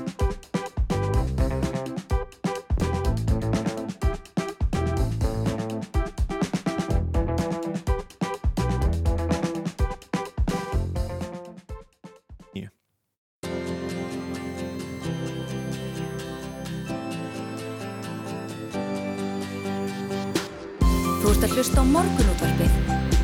Á Rástvö Fréttið verið þetta baki á morgunúttarpið heldur hér áfram. Við ætlum að, að beina sjónum okkar að ástandinu í Úkrænu núna. En e, já, það eru þrýr mánuður síðan að, að, að ráðust var inn í landið. Og e, Jón Ólafsson er hinga komin, góðan daginn. Góðan daginn. Sko, bendir eitthvað til þess að stríðinu fara að ljúka í bráð?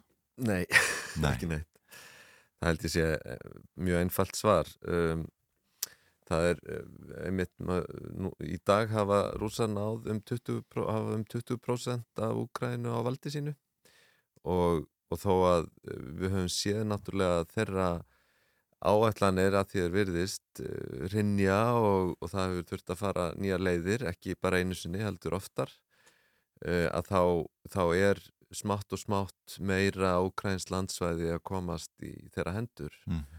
og, og, og gagsóknir úkrænumanna eru þeir, þeir eru ekki stórar í sniðum og, en hins vegar að þá er sko, ég menna við sjáum það í kringum Kharkiv til dæmis að rúsum hefur ekki tekist að ná þeirri borg og það er allt sem bendir til þess að það sé kannski séu plönin að breytast líka um, Lugansk virðist vera allt að komast undir rúsnesk yfiráð um, sa, sama máli gegnir þó ekki um, um Danetsk hér að þessi Mariupol er. Þar er st- stór hluti þess er ennþá á valdi úkrænumanna það er sókn uh, vestur eftir sunnan til og ekkert sem bendir til annars heldur en að henni verði haldið áfram.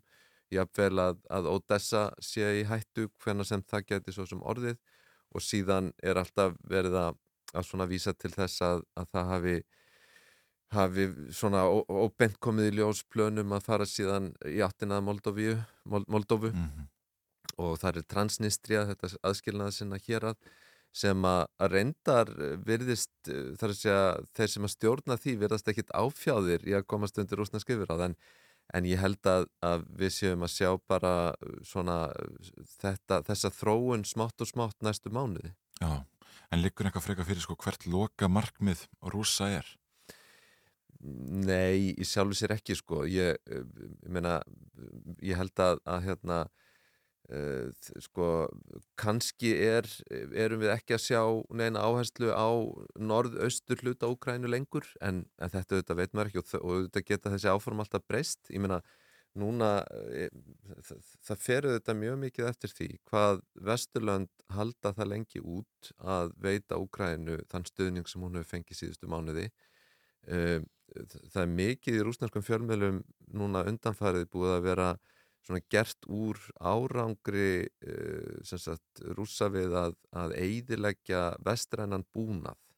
Þetta er svona alveg daglegt stef í, í, í, hérna, í fjölmiðlum þar og, og sömulegðis hefur verið gert gríðarlega mikið úr um, þessari sagt, uh, þessum endalokum Mariupol þegar að, að um 2500 uh, hermenn sem að uh, mjög margir eða flestir tilherðu væntanlega þessari frægu Azov-sveit sem sagt þeir í rauninni gáfu, gáfust upp og þetta kallar rúsa skilirislausa uppgjöf og, og það er búið að, að sagt, uh, þessi hópur hefur allur verið fluttur yfir til uh, Lugansk, ekki til Rúslands og það er mjög líklegt að þar hefjist réttarhöld yfir, yfir mönnum sko þar sem að, að, e, að verður enda sína fram á hversu miklir nazistar þetta séu og hví lík illvirkið þeirra við unnið og, og það verður öruglega gert mikið úr því líka þannig að, að sko ég meina þarna er þarna er eh, verið að vinna bæði á eh, hvað maður segja uh, hérna áróðusfrontinum og, og í hernaðinum sko mm -hmm. og, og ég held að, að kannski það hefur það virðist hafa náð, náðst ákveðið svona jafnvægi innan Rúslands þar sem rúsnest stjórnvöld eru ekki svo mjög að óttast andstöðu innan lands Uh, og, og, og haga sér að miklu meira svona sjálfsöryggi uh, og það þýðir til dæmis að uh, áróðurinn gengur ekki út á það svo miklu leiti að, að loka á ákveðnar upplýsingar, hann gengur út á tólkun á upplýsingum og þar er bara sama sagt, áróðusvélinn sem að milur alveg stöðugt sem að að gengur út á það sagt, hversu mikilvæg þessi aðgerð sé og svo framvegist. Þannig að ég meina, ma maður er raunin að sjá og það er kannski ókvænlegt að sjá það hvernig uh, ástand stríðsins og hryllingu stríðsins er raunin að verða uh, eðlilegt ástand mm -hmm. og, og, og, og maður, maður sér það ekki breytast í bráð en, en sko um leið og og Vesturlund dragu stuðningi sínum í Úkrænu þá mun rúsónum ganga, þá mun þeim takast að ganga þetta hraðar sko. Á sama hátt, það er ekki vitað auðvitað hvenar um, hvenar rússar uh, tæmi sig og svo morðið komast, hvenar fara efnahastfingarnir raunverulega að býta uh, hvaða, hvaða staða er hjá þeim hernaðarlega. Það er til dæmis uh, mennaða margt sem bendir til þess að þeirra svona búnaður, það sé nú að kannski gringa á honum og, og, og það verður erfitt fyrir þá að fjölga, ég meina þeir hafa tapað mjög miklu mannabla í Ukrænu það verður erfitt að, að bæta það upp og erfitt að fjölga. Þannig að það eru svona alls konar erfiðar uh, spurningar sem eru liggja í framtíðinni, kannski með höstinu ef við horfum á september eitthvað svoleiði sko. Mm. en þanga til held ég að við séum að horfa aldrei á bara þetta ástand áfram eins og hefur verið síðustu vikur Já. Sko það verður talað um það að eh, já, hér svona í, í einhverjum mjölum hér þá eru óljósar fréttinu um það að eh, Vladimir Putin úrslagsfórstið sé alvarlega veikur. Mm -hmm. eh, heldur það sé eitthvað til í því og eru það fréttir sem berast almennum rúsum? Sko það er bara gert grína þessu í rúsneskum fréttum sko. Um, þetta, er, þetta er eitthvað sem enginn tökur marka á allavega þar. Hvort er eitthvað til þessu, ég hef ekki hugmynduð um það. Hins vegar að þá er það uh, klárlega eitt af því sem að uh, mönnum finnst uh, kannski sniðut að dreifa svona sögursagnir. Það, það hafa alls konar sögursagnir verið í gangi um, um uh, átök í einstarring Pútins, um emitt heilsufar hans, um heilsufar varnamálar á þeirra hans, hans sást ekki í tvær vikur og talin hafa fengið hjartaslag mm -hmm. eða verið að koma í fangels eitthvað líka og það hefur ekkert verið síðan Eh, verið alveg rétt sko og, og ég tek nú þessar fréttir af helsufæri Pútins með mjög miklum fyrirvara Já, einmitt. Mm -hmm. Þú talar um stuðning sko Vesturlanda við Úkrænu Danir svona verðist allra fregna af vopnaflutningi til Úkrænu en um, það er ljóst að Ísland hefur meðalans flutt vopnunga er ykkur ástæða til þess að ætla að sá stuðningur hætti? Ekki billi það er náttúrulega hérna NATO og bandaríkjaman eða NATO-ríkin eru algjörlega uh, gallhörð í sínum stöðningi í Ukrænu. Uh, ég meina á, á sama hátt og við erum ekki að sjá sko koma upp einhverja samfélagslega olgu út af stríðun í Rúslandi þá er þetta heldur ekki farið að gerast í, í Evrópu mm -hmm. um, en við erum auðvitað að sjá fram á uh, tvent kannski, það er hækkað orkuverð sem hefur auðvitað leiðið fyrir lengi og er farið að hækka mjög mikið en svo er það um, hérna, skortur á matvælum sem munið auðvitað koma miklu meira niður á fátakari löndum en það verða verðhækkanir á, á kornvöru og olju Uh, það til dæmis, maður hefur verið að sjá uh, daldið fjallað um sólblóma olju Mhm. upp á síðkastið Úkraina er með gríðarlega stóran hluta af, af heimsmarkaði á þeirri vörutegund þannig vísu til fleiri oljutegundir sem er hægt að nota en, en það er svona hlutir sem að þetta er eftir að fara að, að skipta máli. Hvort að það verður þess eðlis að, að við eigum eftir að fara að sjá pólitíska ólgu uh, á Vesturlöndum er annar mál en en, en, stuðningurinn auðvitað er alveg ótrúlegur í, í Evrópu og þetta er eitt af því sem að sem má segja að rúsar hafi misreiknað það var ekki gert ráð fyrir svona mikillir samstöðu gegn Rúslandi, alls ekki og, og maður sá það til dæmis bara ef við, ef við förum aftur þrjá mánuði tilbaka, maður hugsaður um bollaleggingarna sem að það voru í gangi sem að voru fyrir opnum tjöldum að þá áttu menn von á því að þetta yrði eitthvað svipað og þegar að Krím var tekið 2014 en það hefur náttúrulega verið allt annað. Þannig að efnaðastvinganirnar í kringum Krímskaðan voru málamynda aðgerðir. Það voru síndarmennska það vissu það kannski allir. Efnaðastvinganirnar í dag, hvort sem að það eru eftir að býta á endanum eða ekki, eru ekki síndarmennska. Það eru þess eðlis að Vesturlönd eru tilbúin til að gera það sem þau voru ekki tilbúin að gera 2014 það er að segja að, að taka á sig verulegar efnahastrengingar til þess að halda þess úti og núna er auðvitað verið að minna, þetta er strategist mál, það verið að hvernig á að gera rúsum sem erfiðast að, að, að fá uh, tekjur af sinni ólju til dæmis. Það verið að benda á það núna að, að það er ekki nóg að hætta, að Evrópa hætta að kaupa ólju vegna þess að rúsa geta komið henni inn á heimsmarkað og jáfnvel fengið sko meiri tekjur af henni þannig. Og þannig að þetta er svona flókin tablstaðar í rauninni sko um það það sem að, það sem að Evrópa segir okkar, okkar hérna okkar vopn er efnahas, okkar vopn eru efnahagsleg sko en, en það er ekki sama hvernig þessum vopnum er beitt, það þarf að gera það rétt til þess að þau virki Okkarlega Við komast ekki lengri þetta skiptið Jón Ólásson, professor og sérfræðingur í málefnum Rúslands, takk fyrir að kíkja til okkar í morgunúðarpið. Yes.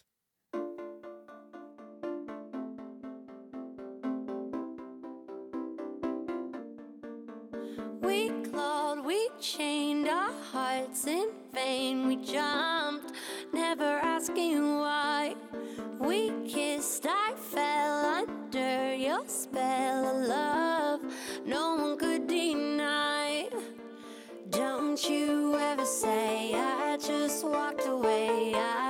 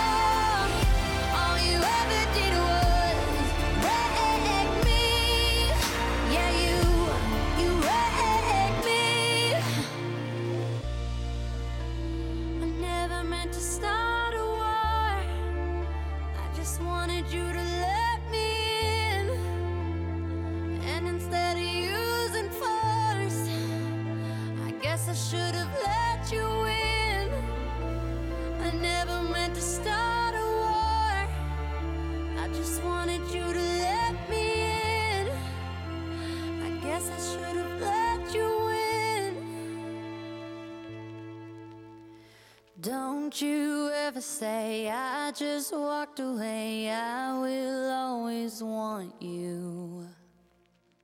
I came in like a wrecking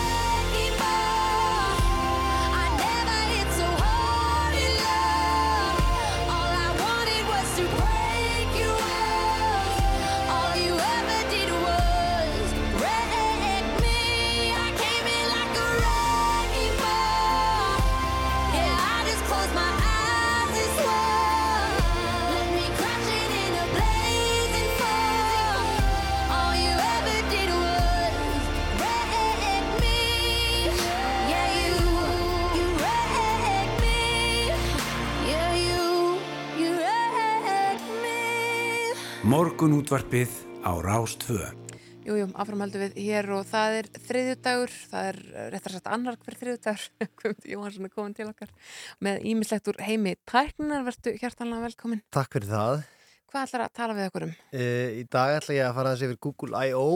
ráðstöfbruna sem var um daginn og það sem að Google svona opnar aðeins uh, hurðirnar og sýnir okkur hvað þau eru búin að vera að vinna Mm. og annað er bara svona eitthvað sem að kannski vonandi kemur fyrir en setna í hendurnar ok á okkur en annað er bara svona tunglskott kannski Ok. sem kannski verður einhver tíman einhvað geggjað en hver veit en þau eru allan að sína svona hvað þau eru að vinna því að Google er uh, að vinna rétt yfir 150.000 manns þar og það er oft talað um Google eins og einhvers konar skrýmsli með þúsund arma og engin armurinn veit hvað hinn er að gera en einhvern veginn á þessari kynningu er svona einhvern veginn búið að reyna að ná þeim saman til að sína að þau sé að vinna einhverju heild sem þau eru kannski ekki raunverulega alla, jafnan að gera. Þau eru bara svona ofta að gera öll sitt og ekkit endilega í takti við hvort annað sem er svona, samt virkar þetta einhvern veginn allt fyrir eitthvað kraftaverk en svona á þessari kynningu þá svona sína þau svona hvað þau eru að gera og er náttúrulega ótrúlega mikið talað um gerfi greind og allt þetta sem að Google hafa verið svona mjög leiðandi í og, og nota í að,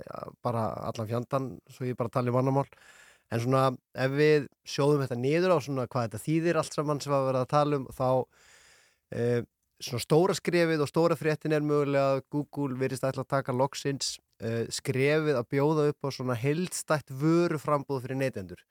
Að fyrir fólk sem vil vera í hlýjum faðum með Google uh, getur þú fengið allar vörur á einum stað. Og það er muni allar að tala fallega saman og vera með allt sitt á hreinu. Eins og Apple.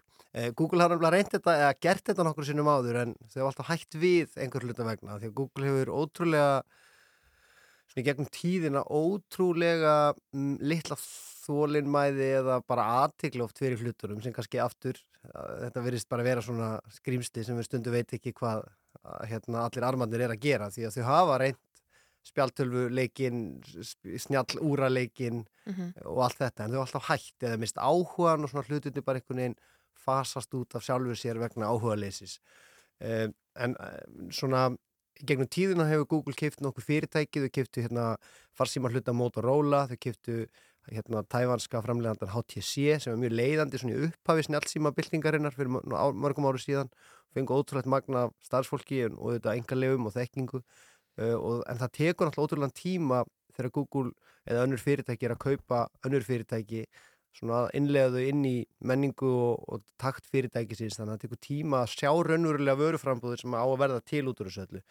Um, þann- þannig að þau töluðum uh, Pixel 7 Pixel eru snjálfsímar sem Google búa til sjálf uh, sem keira Android og þetta eru til fjölmarkir aðrir Android símar því að Google sem býr til Android stýrukerfið raunverulega gefur það, það er frítt gegn því að síminn noti þjónustu Google saman hvort hann heitir Samsung eða LG eða Sony eða hvað sem er uh, og Pixel hafa svona í gegnum tíðina verið taldir með betri snjálfsímum í heimi og það er það að lúta myndavilni þar sem Google nota gerfigreindina uh, og hugbúnað mjög mikið til að hjálpa okkur að ná bestu myndunum.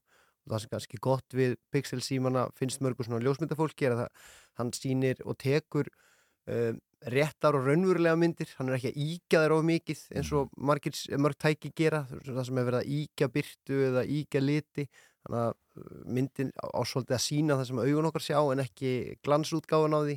Eins og er bara, en þannig er það bara. Og, uh, en þau kynntu líka heyrnatól kynntu spjaltölu sem vonandi verður einhvað ef þau hafa áhuga á nennu í þetta. Uh, og svo kynntu þau snjallúr. Og snjallúr er kannski svona stærsta fréttin og það sem svona fólk í Google heim hefur beðið hvað mest eftir. Því það hefur verið kannski gegnum tíðina því að Apple fólk hefur sitt Apple-úr sem er bara frábært snjallúr að uh, í Android heimi hefur verið vöndun á snjallúri uh, þangar til í fyrra þegar Ga- Samsung gaf út hérna, Galaxy Watch 4 sem keirir á Android. Áður höfðu Samsungur keift á stýrikerfi frá Samsung sjálfu sem heitir Tyson og sem náði ekki svona mm, hvað maður að segja, næri ekki sömu svona uh, samvirkni við Android stýrikerfið af því að það er ekki Android en, en Galaxy Watch, Watch 4 var kannski svona fyrsta Android snjallur sem sýnir að þú veist uh, að það er líka hægt að hafa þetta svona í Android heimi eins og eh, þetta er í Apple heimi að þetta tala allt fallega saman. Og ef þe- þetta úr hefur í raun og ótrúlega tækifæri til að verða ekki frábært ef að Google gerir allt rétt því að það er 2019 keipti Google Fitbit sem að mörg þekkja mm. fyrir 2,1 miljard dollara. Uh, og svo kaup gengur bara í gegn í fyrra. Þannig að það er ekki verið neitt svona tími fyrir Google kannski að byrja þó að þau hafi keipt Fitbit 2019 það er ekki verið mikil tími kannski til að byrja að nota alla tæknina og þekkingur sem það er til. Þannig ef að Google næra að búa til Android snjallúr uh, með allri Fitbit virkninni sem er algjörlega frábært fyrirtæki að búa til uh, helsumælingar snjallúr og svefnmælingar úr þá gæti það verið bara frábæra fréttir fyrir fólk í Android heimi sem vil fá frábært snjallúr. En ég held svona ef við tökum þessar þessa neytendavörur til hliðar, ég held svona skemmtilegasta sem þau síndu var uh, voru hérna snjall gleru og það er þetta tunglskot sem ég var að tala um í upphafi. Um, og glerugun falla í flokk uh, augmented reality að viðbæts veruleika þannig að glerugun þegar við setjum þau á okkur sín okkur bara eins og vennileg gleru bara það sem við sjáum með augunum okkar nema þau geta bætt við hlutum. Þannig að þau eru ekki að setja okkur í síndarveruleika og taka í burtur raunveruleikan heldur þau að bæta við það sem augun okkar sjá og augun, nei hérna glerugun nota uh, gerfugreind og tilgangurinn er bara mjög einfaldur og ef þetta virkar þá mun þetta bara geta breytt mjög miklu fyrir mjög marga í heiminum. Því að uh, þegar þau síndu glerugun í virkni uh, að þá sáum við maðgur, eldri kona kínverska uppruna sem hefur búið í bandaríkinum hún skilur ennsku en hún talar hann ekki.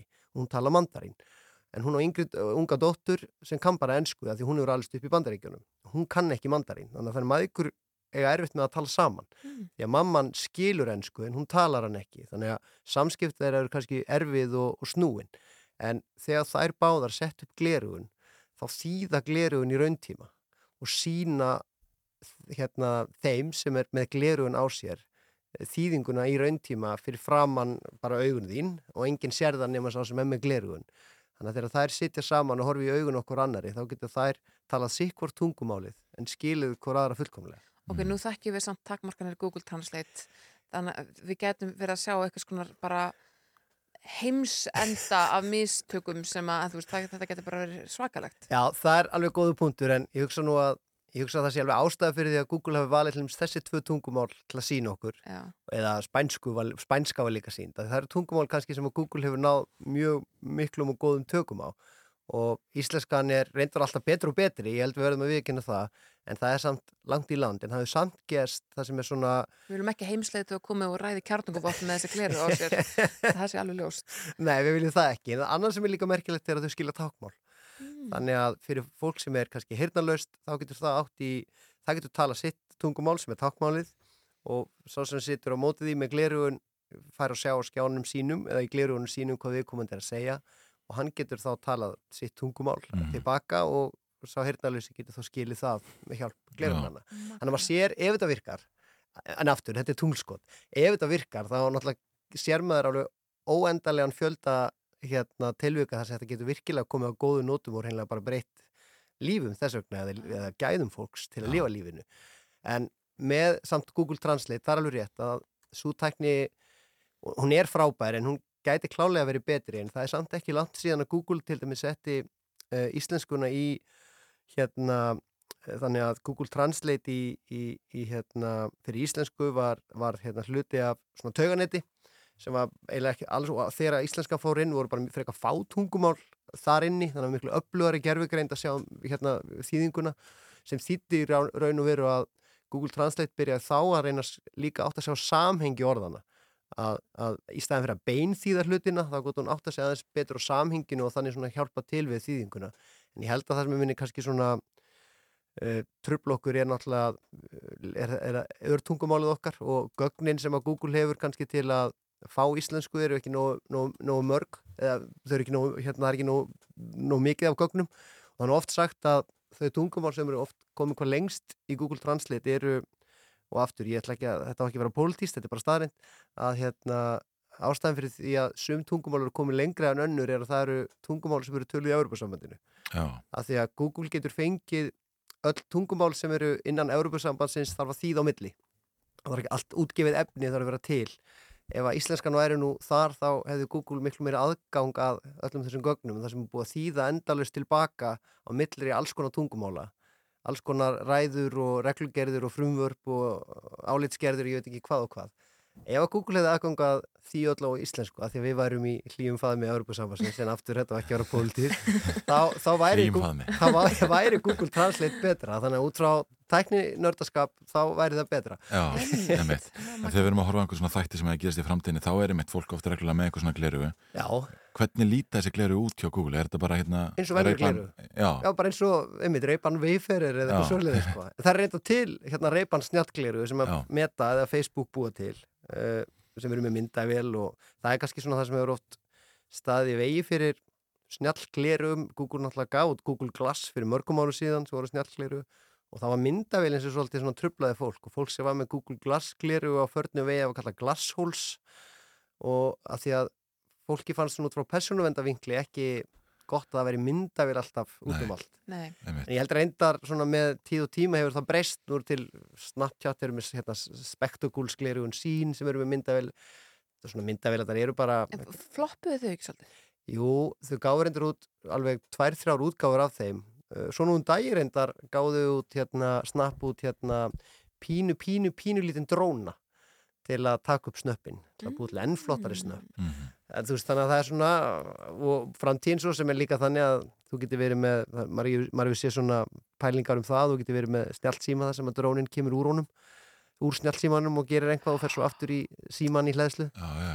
en mér langar ekki þannig oh, hljómar eins og della sko. en ég held svona, ef maður sumir þetta aftur upp eins og með glerugun, þetta snýsóldið um það sem er kallað ambient computing að tölvan og snjallvæðingin sé svona allt um leikjandi og allt í kring en ekki alltaf bara í snjallsímanum. Nákvæmlega. Góðs ekki lengri þetta skiptið en margt áhugavert aðna við þurfum að fara að næla okkur í svona gleru Já, ég er mjög spennt. Eh, Við erum búin að ræða margt og mikið þetta dagsins. Rættum stöðun í Úkrænum eh, útlendingamálin, eh, stöð Íslenskunnar vændi á Íslandi og meiri hluta viðræður í Grindavík. Það sem stærstur flokkurinn miðflokkurinn fara ekki að koma á borðinu. Er mitt og er ansins ára við því. Eðlega. Uh, við verðum aftur hér á morgun Snæra og Sindradóttir og Yngvar Þór Björnsson og allt okkar efni er aðgengilegt eftir skamastund inn á vef rúð.is í útarspilaran. Já, við þökkum fyrir okkur í dag og skiptum yfir á fréttastofuna.